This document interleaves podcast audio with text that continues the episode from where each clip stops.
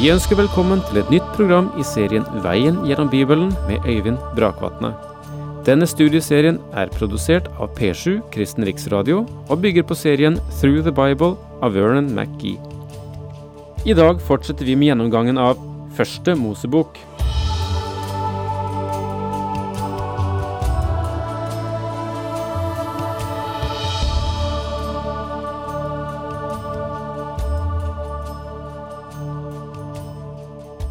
Ja, vi er tilbake igjen i det 34. kapittel i Første Mosebok.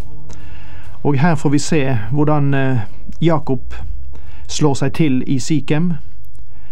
Eh, han forsøker å tilpasse seg den lokale kultur, noe Gud egentlig ikke ønsker. Og så forføres hans datter med Lea, Dina. Og vi går inn nå i det første verset her i det 34. kapittel. Dina, datteren som Jakob hadde fått med Lea, gikk en gang ut for å se til pikene i landet. Dina dro altså for å gjøre seg kjent i Sikhem. Sikhem, sønn av hevitten Hamor, høvdingen der i landet, fikk se Dina. Han tok henne og lå med henne og krenket henne. I moderne språkbruk betyr det ganske enkelt at han voldtok henne. Det er nødvendig at vi også i dag presenterer synden i klar tekst, og ikke pakker den inn i bomull. Da ble hans hjerte bundet til Dina, Jakobs datter. Han ble glad i den unge piken og talte vennlig til henne. Siden sa Sikhem til Hamor, sin far, la meg få denne piken til kone. Det interessante her er at gutten Sikhem åpenbart var glad i piken og virkelig ønsket å gifte seg med henne. Jakob fikk høre at Sikhem hadde krenket Dina, hans datter. Sønnene var ute i marken med buskapen, og Jakob tidde med det til de kom hjem. Hamor, Sikhems far, gikk ut til Jakob for å snakke med ham. Da Jakobs sønner fikk høre det, kom de hjem fra marken, de var forbitret og fulle av harme, for det var en skjenselsdåd Sikhem hadde gjort mot Israel da han lå med Jakobs datter. Slikt skulle aldri skje. Vi er sikkert enige i at det burde ikke ha hendt, men nå hadde det gjort det, og gutten ønsker å gifte seg med henne. Da Jakob hørte det, så ventet han til guttene kom hjem, og så holdt de krigsråd. Etter min mening burde ikke Jakob ha gjort så mye vesen av dette som han gjorde.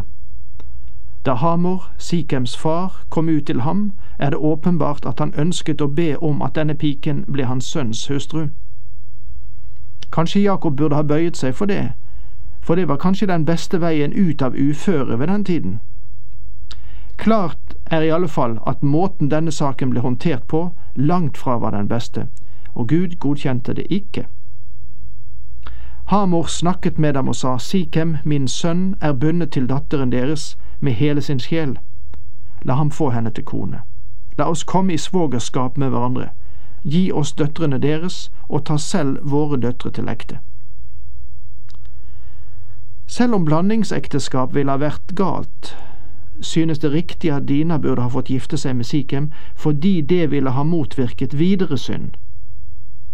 Dette er selvfølgelig bare min mening, på bakgrunn av det sparsomme materialet vi har til rådighet i Skriften. Slå dere ned hos oss, så skal landet ligge åpent for dere. Her kan dere bo og dra fritt omkring og skaffe dere eiendom. Sikhem sa til hennes far og hennes brødre, Om dere bare kan godta meg, så skal jeg gi dere det dere ber om. Krev en høy brudesøm og en stor gave av meg. Jeg skal gi det dere vil ha, bare jeg får piken til kone. Alt dette viser at Jakob burde skynde seg å flytte. Dette er ikke noe sted for ham, og det er en trussel både for ham og hans familie å blande seg med dette folket. Da gav Jakobs sønner Sikhem og hans far Hamor et svikefullt svar, fordi han hadde krenket deres søster Dina. Jeg føler at Jakob burde ha tatt ledelsen i sin egen familie. Først av alt burde han hindret sønnene i å lure Sikhem og Hamor. De sa til dem, Dette kan vi ikke gjøre, å gi vår søster til en uomskåret mann, det ville være en skam for oss. Det som uroer meg i hele denne hendelsen, er at den, den virkelige anstøtstenen, selve voldtektens synd, overses, og at de fremmer sin anklage på basis av den lov Gud hadde gitt dem vedrørende giftermål med uomskårne. Bare på ett vilkår kan vi gjøre som dere vil, at dere blir som vi og lar alle menn hos dere omskjære. Da skal vi gi dere våre døtre, og selv ta døtrene deres til ekte og bo sammen med dere, så vi blir ett folk. Men vil dere ikke høre på oss og la dere omskjære, så tar vi vår søster og drar bort. Jakobs sønner ber dem altså underkaste seg omskjærelse. Dette burde være en advarsel for mange mennesker i dag. La meg gi dere et eksempel fra litteraturhistorien. Mark Twain var ikke en kristen, men han elsket en meget vakker og fin kristen pike. Hun ville ikke gifte seg med ham før han ble en kristen. Han påsto at han hadde akseptert Kristus som sin frelser, og slik begynte de sitt ekteskap. Vel, Mark Twain ble meget berømt, og han ble oppvartet av mange kjente personer i verden. En dag da han kom tilbake til hjemmet i Missouri, og hans kone ønsket å gå til kirken, så svarte han, Hør her, jeg klarer ikke å opprettholde fasaden lenger. Bare gå til kirken, du. Jeg vet nå at jeg ikke er en kristen. Får jeg si at dette resulterte i et meget ulykkelig hjem, og han ødela livet for den kvinnen han hadde giftet seg med, under feile forutsetninger. Her sier Jakobs sønner, hvis dere bare vil la dere omskjære, så vil alt ordne seg. Det finnes dem som tror at om du bare slutter deg til en kirke eller en menighet, nikker på rette sted og er i stand til å bruke de rette ord og sitere de rette vers, så betyr det at du er en kristen. Min venn, det betyr ikke at man er en kristen. Hvis du stoler alene på Kristus til frelse, så har noe hendt, og da er du et nytt menneske.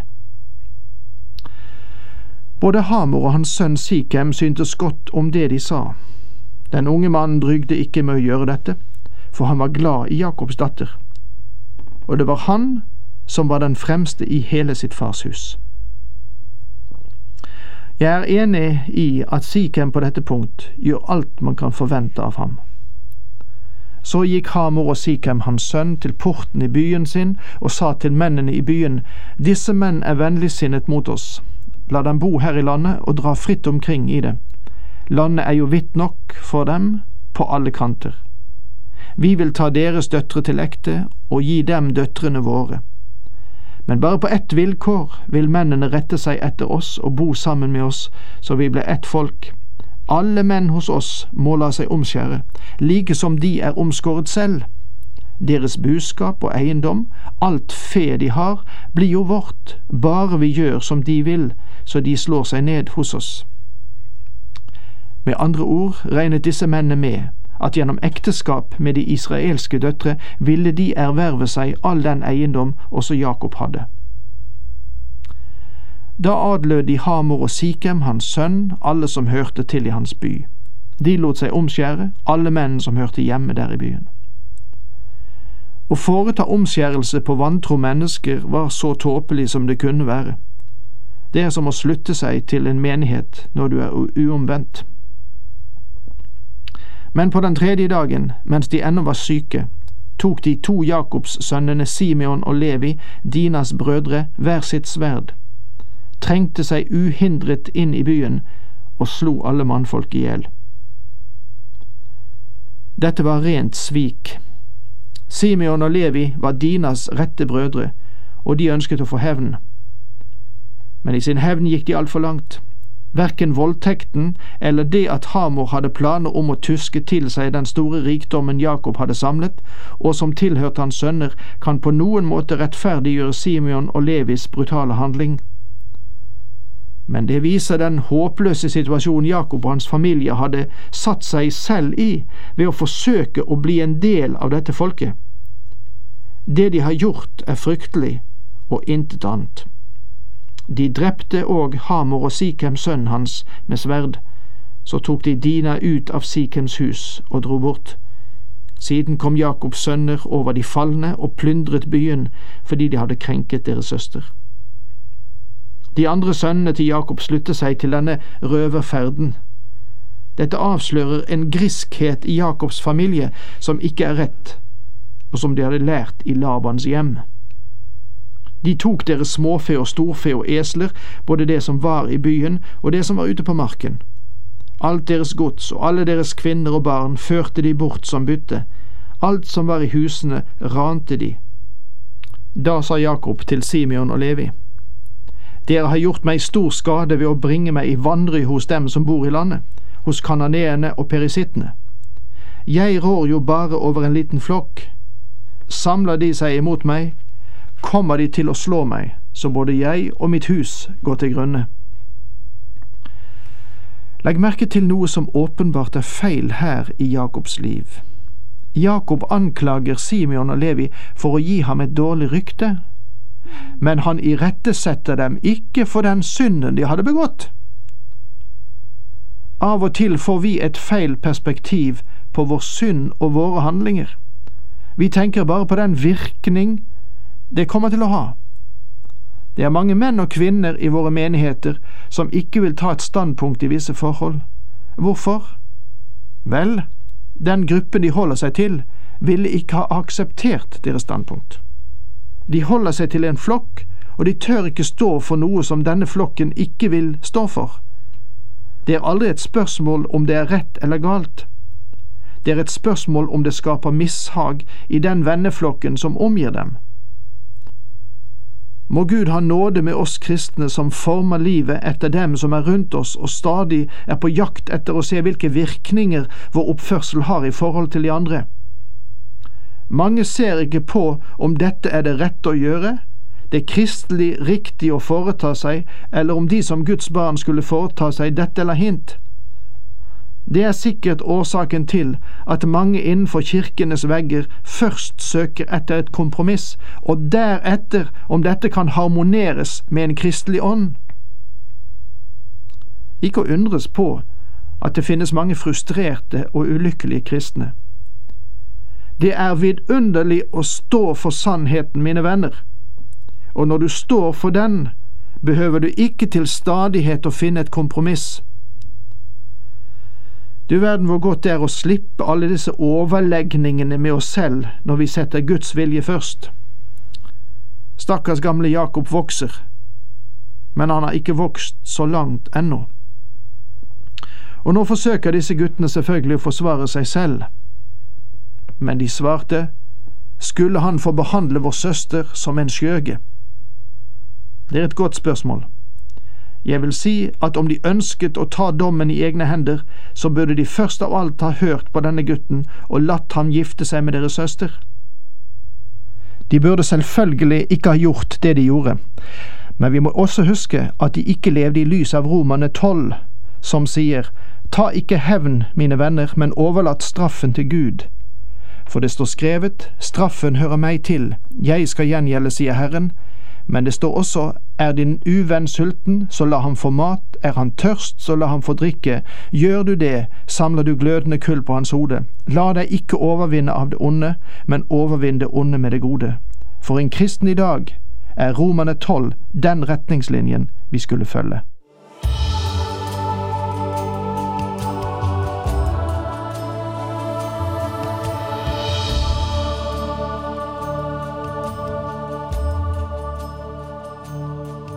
Du hørte Øyvind Brakvatne i studieserien Veien gjennom Bibelen.